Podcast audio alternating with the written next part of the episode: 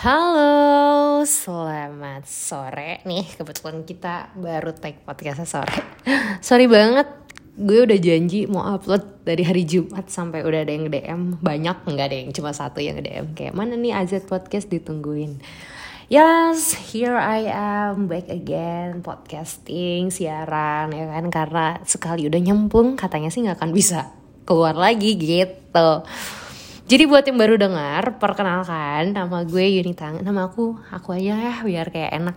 Nama aku Yunita Anggra ini. Um, aku dulu siaran di UMN Radio, Inspiring Change for Tomorrow. Yeah. Di UMN Radio siaran dari tahun 2017 sampai 2019 selesai. Lalu iseng-iseng aja nih awalnya bikin podcast AZ Podcast uh, barengan sama Billy Billy itu dulu uh, kita kita sempat ada hubungan lah ya. Tapi itu biarkan nanti menjadi episode selanjutnya. Pokoknya intinya sekarang AZ Podcast gue yang handle sendiri. Kenapa namanya AZ kali ya? Mulai dari awal nggak ada yang nanya nggak apa-apa kita jelasin aja. Kenapa namanya AZ? Karena we're gonna talk about everything from A to Z. Dari A sampai Z bahkan kalau misalnya Z udah habis nih kita ngulang lagi nih dari A gitu ya kan? Kita bakal ngomong gue sih di sini bakal ngomongin banyak banget yang mau gue omongin. Karena emang kita udah kebiasaan buat ngomong nih dari kecil udah bisa diajarin ngomong ya udah kita ngomong hal-hal yang dari yang penting, gak penting, berbobot, bibit, bebet, ya itulah pokoknya intinya gue bakal ngobrol sama kamu, sama lo nih yang pendengar pendengar gue. Maunya dipanggil apa nih enaknya? Sayang? Eh jangan. Aduh garing banget, krik krik krik. Tapi sorry banget kita belum ada bumper, belum ada apa pun, belum siapin apa-apa. Bahkan mungkin nanti hmm, fotonya juga nggak tahu nih bakal dikirimin foto apa ya. Eh bakal dipajang foto apa. Nah, pasti ini episode pembuka aja yang biar ada aja nih episode pertama ya kan pembuka nggak usah panjang lebar intro aja gitu. Terus um, sebenarnya sih rencananya ke depannya bakal dibikin program-program mungkin ya mungkin bakal ada program yang ngomongin uh, isu-isu sosial politik, isu terus bakal ada yang ngomongin uh, kisah-kisah misteri gitu ya kan ada mungkin yang ngomongin uh, tentang dunia per K-popan, ada yang ngomongin entertainment. Soalnya kayaknya banyak hal yang uh, kok kayaknya sayang buat dilewatin ya kalau misalnya kita aku gue pribadi itu uh, simpen sendirian. Makanya I wanna share it with you guys about a lot of experience uh, banyak hal yang lagi gue yang banyak hal yang gue alamin.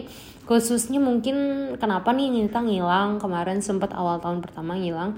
Karena uh, I was struggling a lot uh, to adjusting uh, adjusting my new life lah istilahnya my new chapter. Jadi kan mungkin teman-teman di sini banyak yang tahu dulu Nita kuliah di UMN terus akhirnya sekarang udah lulus puji Tuhan lulus tahun lalu si angkatan corona nih ya kan sampai akhirnya bisa dapat pekerjaan full time job my very first full time job right now gitu. Udah jalan tahun kedua mungkin teman-teman terdekat juga ada yang udah diceritain nih sama Nita keluh keluh keluh kesah sampah sampahnya gitu ya kan. Sampai mungkin yang paling berat adalah gue ngalamin um, what's uh, that's aduh gimana ngomongnya ya not so called uh, quarter life crisis kali ya. Uh, I mean dulu pas zaman zaman kita SMP pas masih kecil gitu ya kan. SMP mau jadi apa nih? Oh kejar cita-cita masuk SMA terbaik. Masuk SMA ya kan? Habis kelar SMA ayo kejar PTN SBMPTN SNMPTN mandiri lah segala macam. Eh ujung-ujungnya di swasta swasta juga ya kan? Karena kalian tahu the rest of the story gue kuliah di mana gue kuliah di Universitas Multimedia Nusantara gitu Terus akhirnya kita kuliah di UMN, Nita kuliah di UMN, berkembang di sana, berproses di sana, ikut banyak kegiatan, organisasi, komunitas, UMN Radio salah satunya. Aduh mohon maaf nih, ada alarm. Sampai uh, akhirnya puji Tuhan lulus walaupun gak cum laude gara-gara akuntansi. Nih ya kan? Banyak yang belum tahu Nita tuh jurusannya marketing management under faculty of business bukan ilkom. Mohon maaf nih ya kan? Gak semua orang yang jago ngomong masuk ilkom guys. Nah terus apalagi ya? Uh, terus I was struggling a lot uh, last year. Itu corona hits us right? Uh, bener-bener aduh hits us really hard. Yang tadinya udah punya high hopes about uh, apa ya chapter kehidupan selanjutnya nih di kehidupan per, pekerjaan. Dulu udah punya bayangan oh mau kerja di daerah SCBD oh di daerah ring 1 biar pulang kerja langsung naik MRT langsung lari di GBK gitu ya. Kan udah terbayang-bayang tuh kehidupan pekerja maksudnya kehidupan bekerja di Jakarta. Karena dulu pernah magang di BRI dan maksudnya kurang lebih mengalami lah hal, hal seperti itu. Lunch time ke GI terus pulang kerja langsung stop by uh, MRT and then naik naik kereta naik commute lah istilahnya. Makanya I love the commute very much right? Terus uh, abis dari situ panjang banget cerita sampai akhirnya bisa di tahap yang ini bisa tahap dapat pekerjaan yang sekarang. Bis uh, kena juga tuh mental uh, mungkin gue bis nanti nanti bakal dibikin satu episode lagi ya.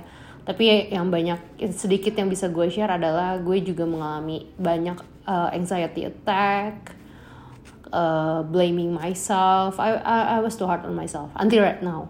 Uh, kayak I put high expectation on me sampai akhirnya dapat pekerjaan yang sekarang pun I was struggling a lot because I grew up in startup culture right and then uh, most of maksudnya kayak mungkin beberapa dari kalian tahu gue sekarang kerja di mana uh, gue kerja di salah satu company big company, very big company, corporation yang udah uh, uh, structural, birokrasi things.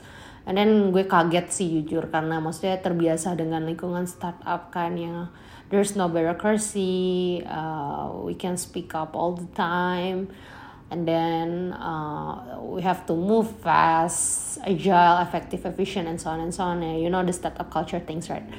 Sampai akhirnya bisa dapat pekerjaan yang sekarang itu cukup kaget cukup culture shock kali ya.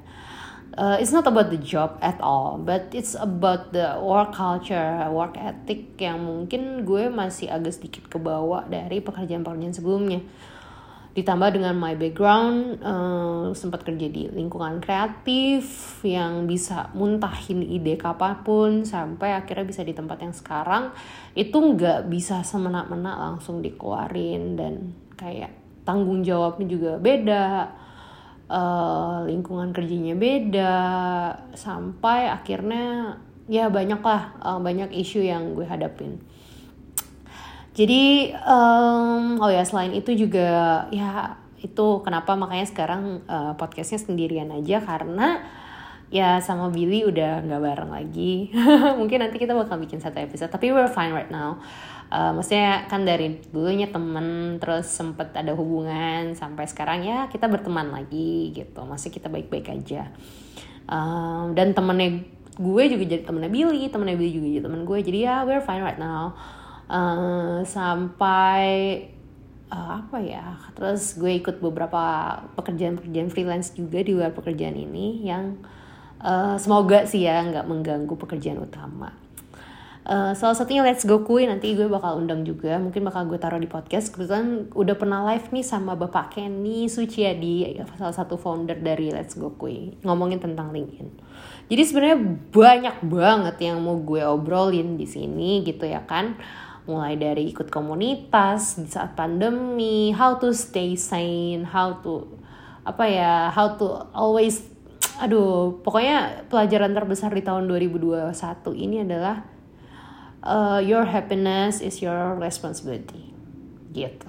Kayak uh, nggak boleh ngegantungin kebahagiaan sama orang lain karena ujung-ujungnya bakal sakit nggak boleh punya ekspektasi berlebih sama orang lain Terus apa lagi ya? Oh tentang isu-isu quarter life crisis kali ya. Mungkin mostly uh, teman-teman semua ngalamin uh, quarter life crisis lah ya. Siapa yang nggak ngalamin? Kayak oh, finding what's next, finding what to do next.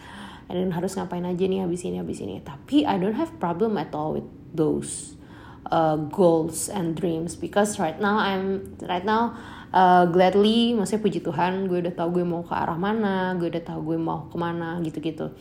Tapi yang jadi permasalahan adalah about myself. Karena ternyata oh, when I thought uh, I'm done with myself itu ternyata belum lagi pencarian jati diri ini belum selesai. Sampai akhirnya suatu ketika pernah di bulan September gue meledak karena terlalu banyak mendem.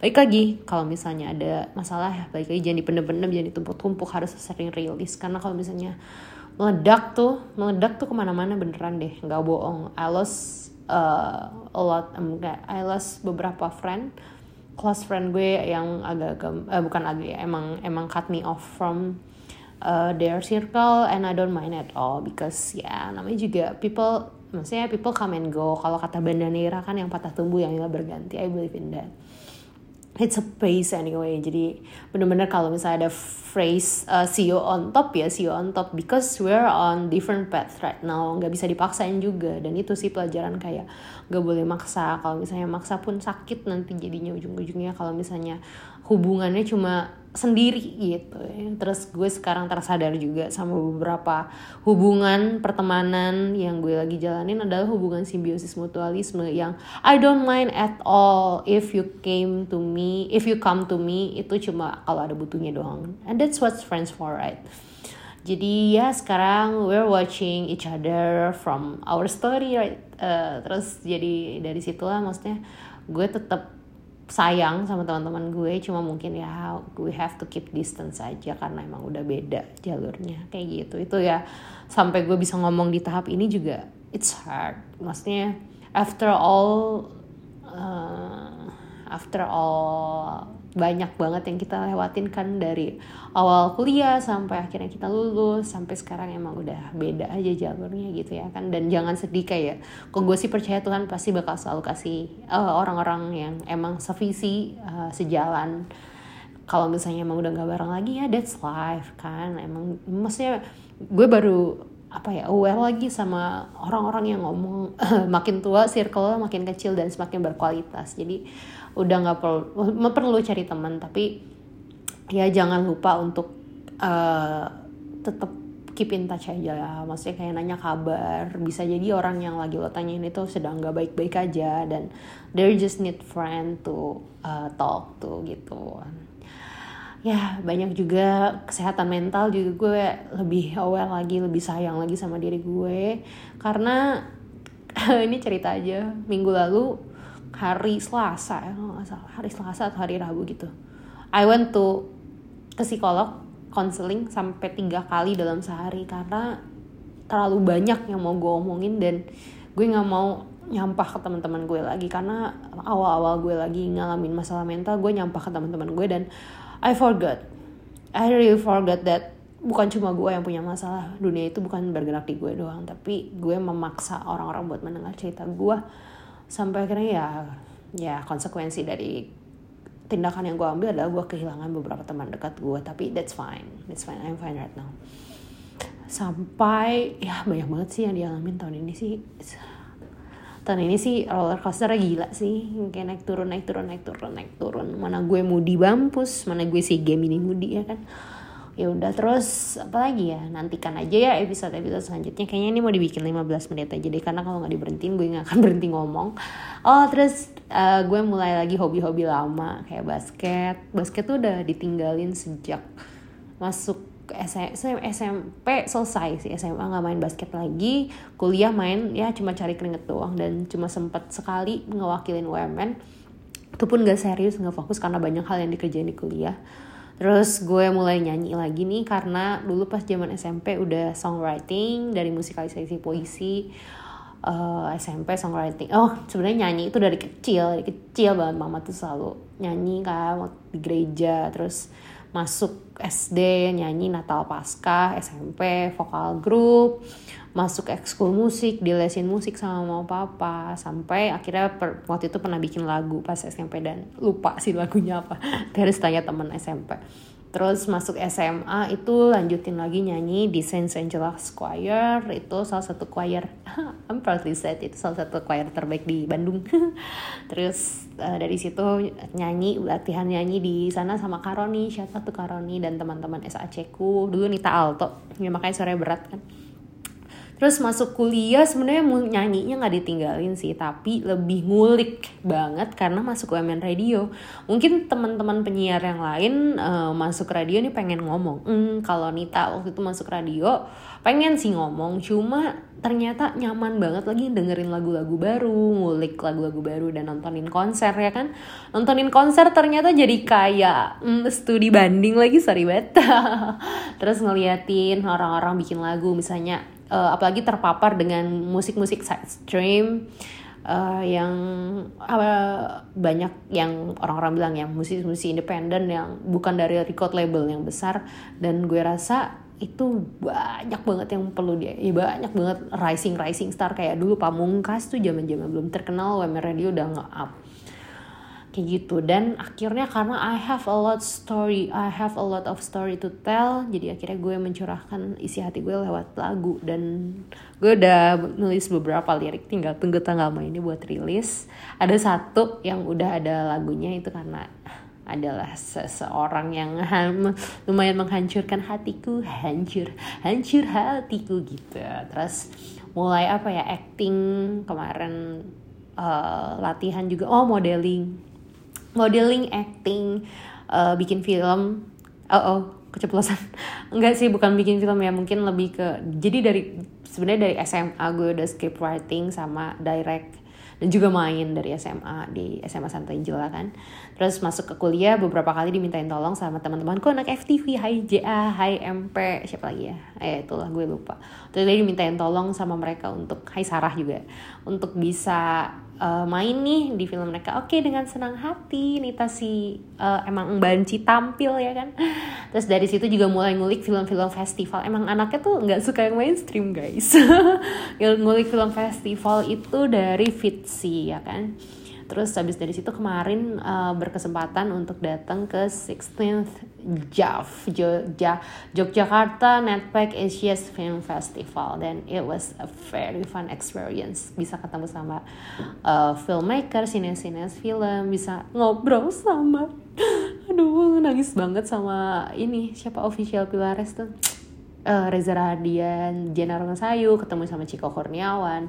Special thanks to Kadana Wardana yang uh, tiba-tiba kok menjadi malaikat penolongku bisa ada satu film untuk nonton filmnya Cinta pertama, kedua dan ketiga dari Gina Esner dan gue juga berkesempatan buat ngobrol sedikit. Udah gue udah gue rekam sih nanti mungkin bakal gue cut-cut gitu ya kan uh, it was fun. Thank you juga buat uh, teman-temanku yang di Jogja. Ada Vertias yang udah nemenin nonton. Ada Dela yang udah mau direpotin sampai mobilnya ketabrak. Maaf ya Del.